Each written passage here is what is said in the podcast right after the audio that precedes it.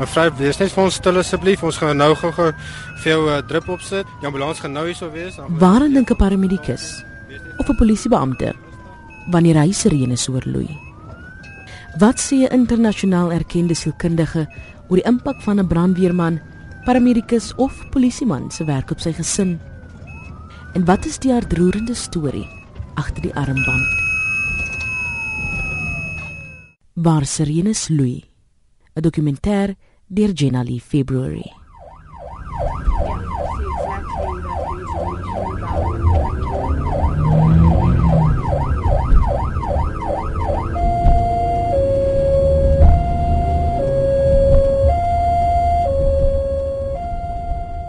Ontmoet Gert Kordier, 'n eggenoot, pa van twee dogtertjies en 'n paramedikus by ER24.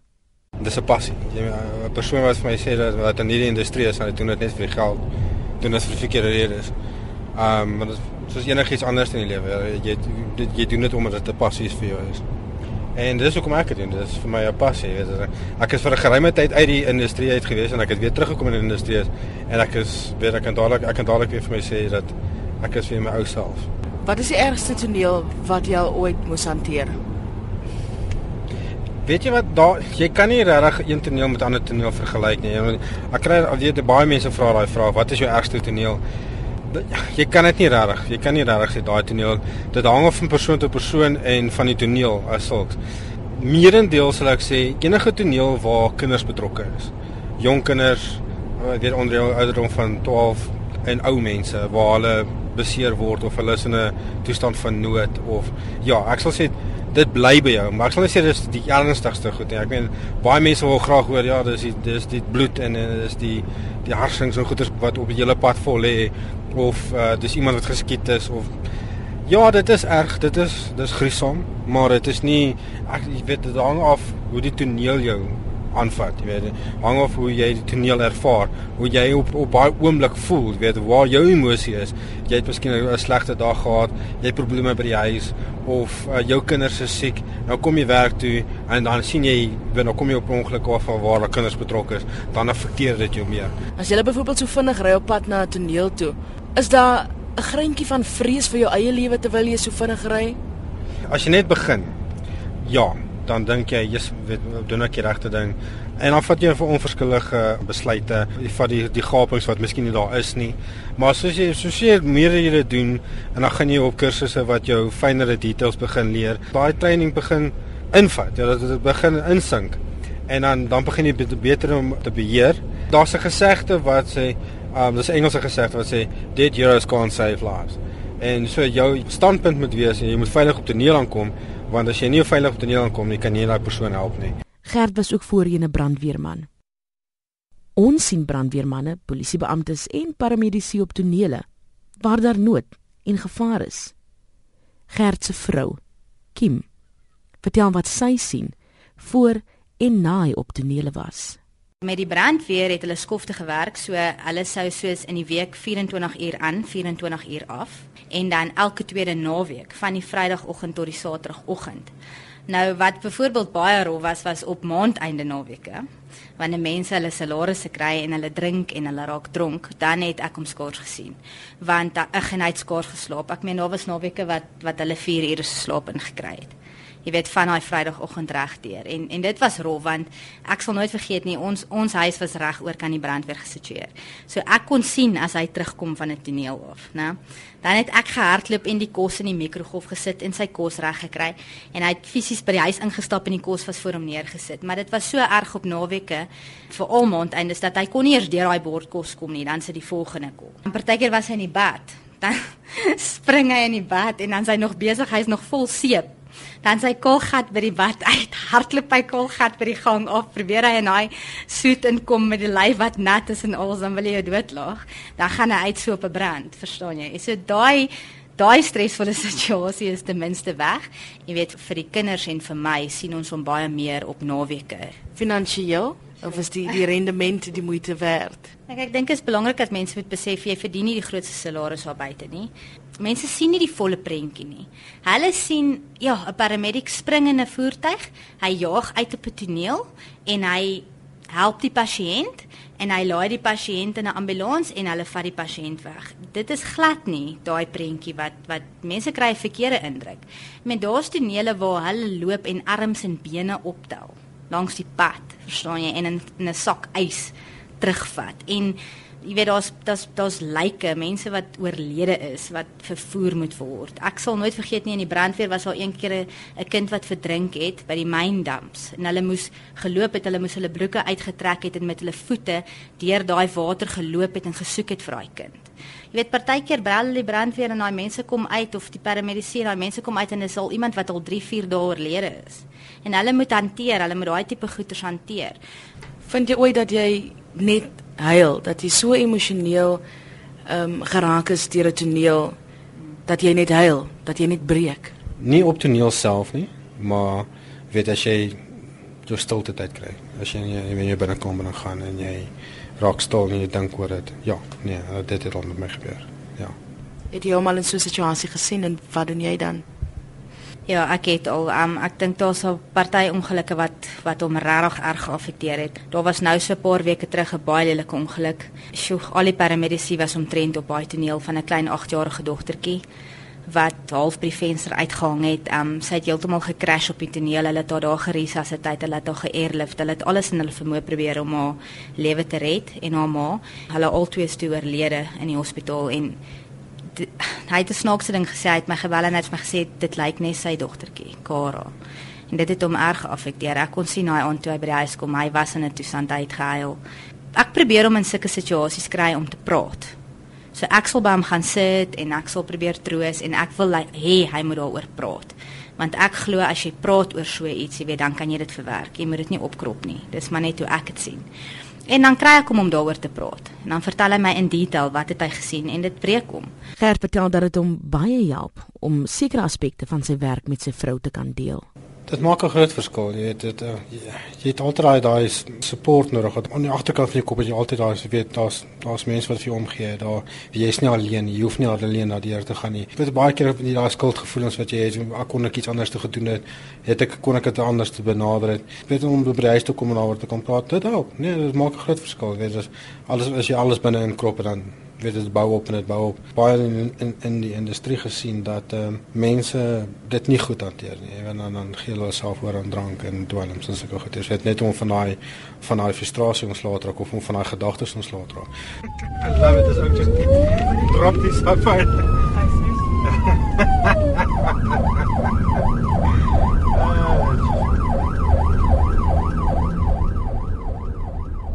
Dr. Woltemade Hartman is 'n internasionaal erkende kliniese sielkundige wat ook in trauma spesialiseer. Ek het nou baie ervaring omdat ek in die veld omdat ek baie klas gee in 'n land soos Duitsland, Switserland, Oostenryk.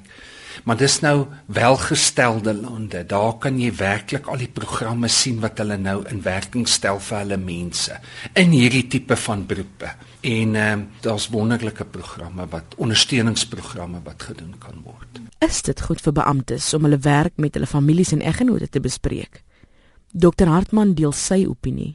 Ek sou sê ek dink dit is goed uh, om dit te bespreek. Ek dink dit sal onnatuurlik wees om dit nie te wil bespreek nie. Kom ons maar huis toe en jy vertel van ervarings wat jy gehad het traumatiese dinge wat jy gesien het en beleef het. Natuurlik weet ons as wetenskaplikes op hierdie vlak dat dit is nie baie goed om dit oor en oor te herhaal nie en ek beveel altyd vir mense aan moenie dit so oor en oor herhaal nie. Maar nou kry jy ook mense verwerk dinge verskillend. Party mense het 'n behoefte om te praat en hy wil daaroor praat en hy voel beter as hy daaroor gepraat het. Waar 'n ander ou wil weer stilte hê. Hy wil bietjie pyns en hy wil besin en hy wil nie noodwendig daaroor praat nie. So ek dink dit hang baie van die persoon self af. En ehm um, ek dink nie mens moet gedwing word in 'n sekere situasie.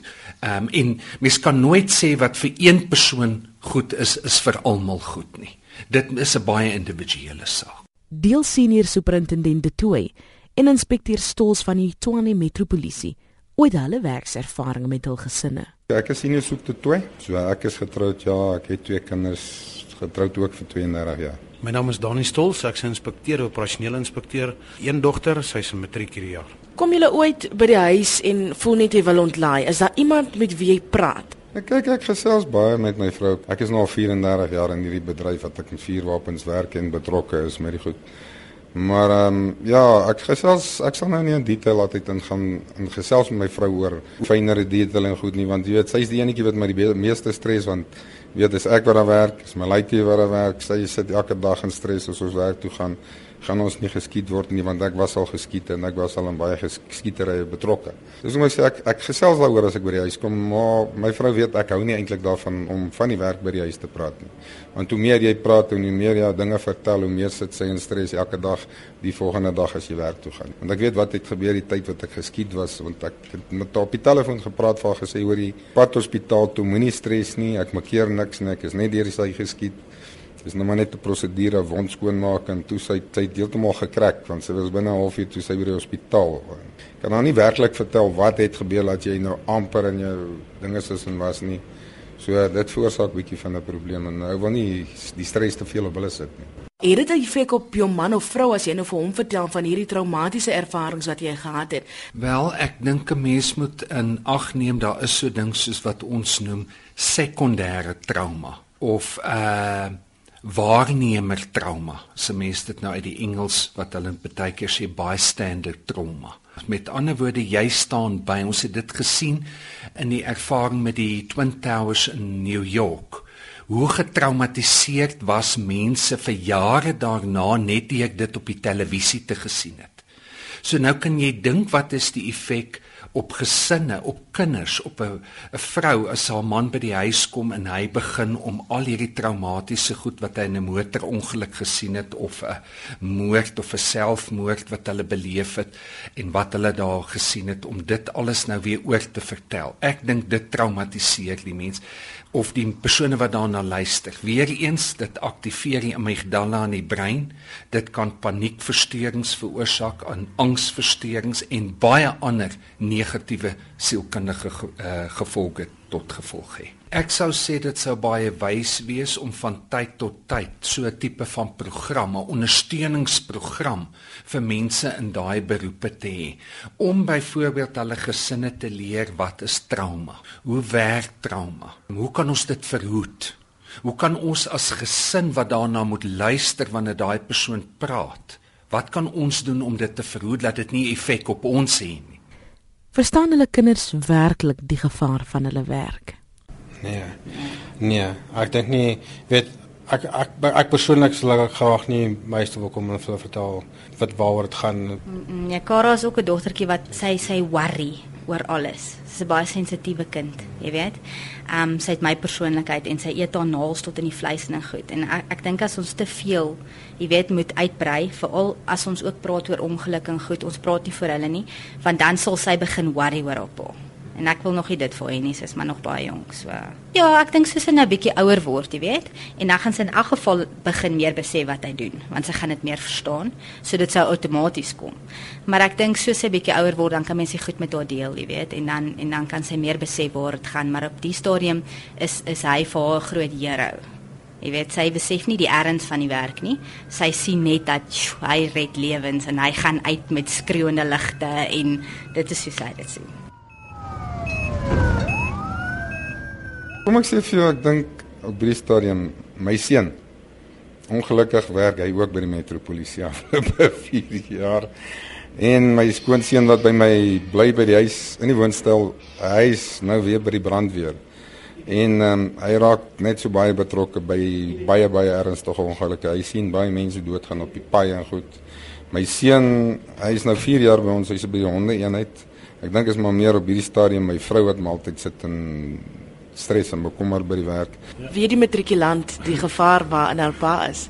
Ja, sy sy sy sy is baie nuuskierig. Sy sê altyd wil weet en uitvra pa, wat gaan hier aan? Wat dink jy? Wat doen julle in die omstandighede? Gelukkig my vrou was ook lank in die, in die Suid-Afrikaanse polisie diens gewees. So dit help my baie, né?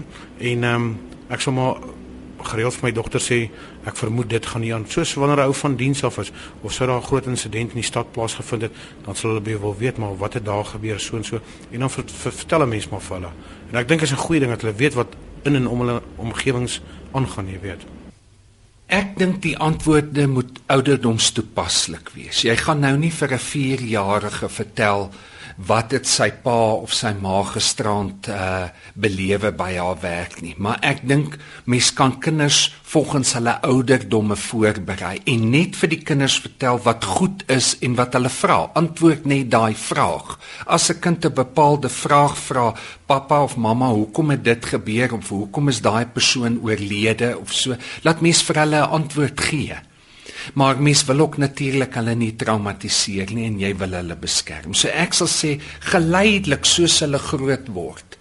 Ek sê altyd 'n kind het 'n ontwikkelende ego. 'n Kind het ons as volwassenes het ontwikkelde egos. Kind het 'n ontwikkelende ego. Daarom moet hy ouderdomstoepaslike of sy ouderdomstoepaslike dinge hoor. En kinders wil ingelig wees. Hulle wil nie voorgejok word nie. En want later dan vind hulle uit met die beste bedoelings wou jy hulle beskerm het eintlik vir hulle gejok. En ek dink dit moet mense ook nie doen nie. Wees eerlik.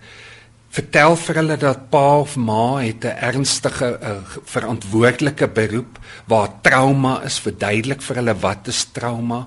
Ons word almal gekonfronteer met trauma in die lewe.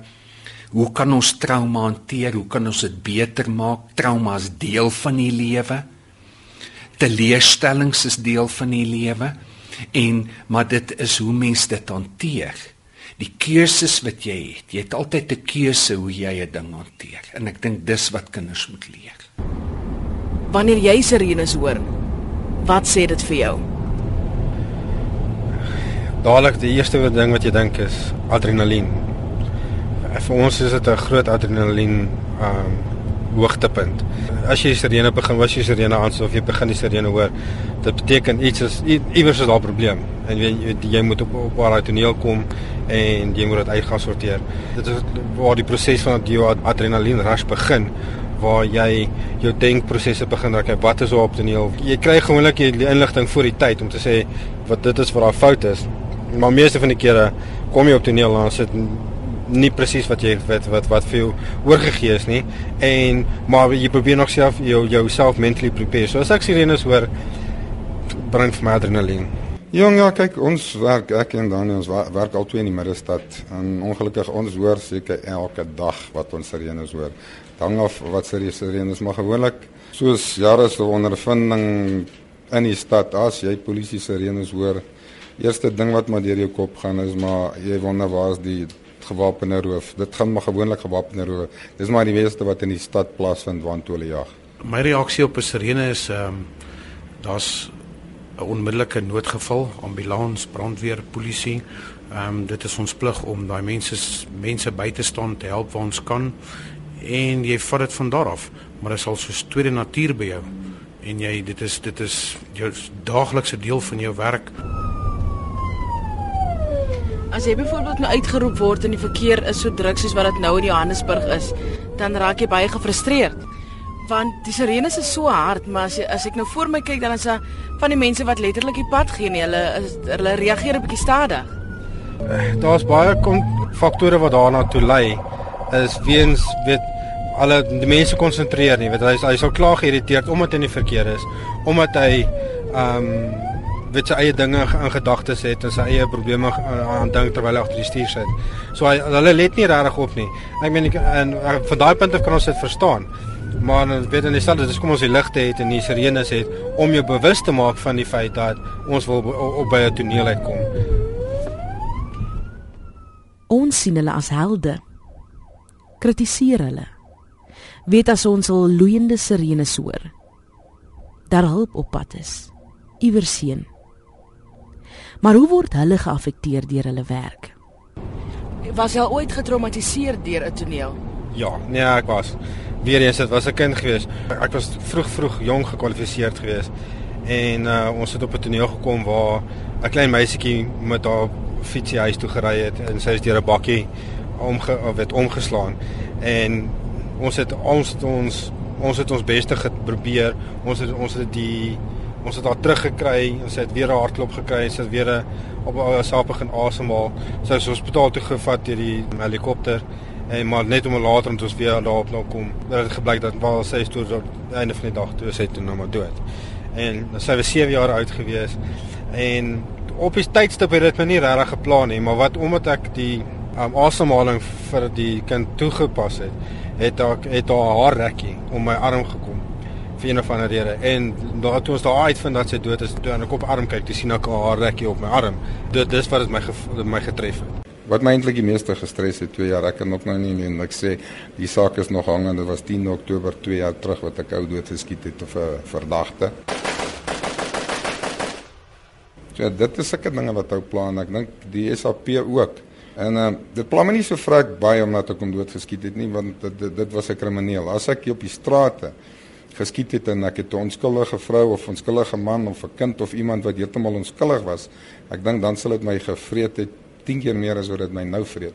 Dit is kom ek sê, hulle het my daai tyd het hulle my gehelp en hulle het my ook na buiteinstansies toe gestuur. So ek was by hulle gewees en ek is okay. Alhoewel hulle ons beskerm, moet hulle ook beskerm word.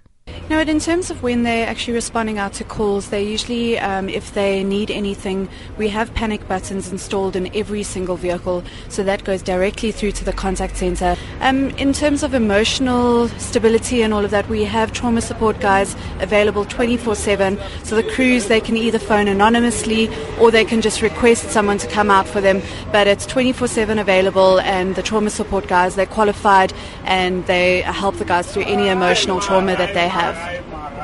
Vanessa Jackson, woordvoerder van E ER24.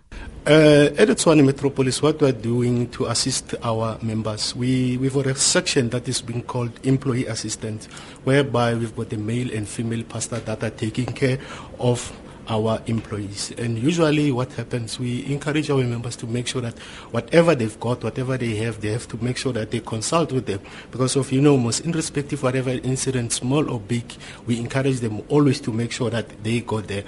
Senior Superintendent Mahaba van die Tshwane Metropolisie.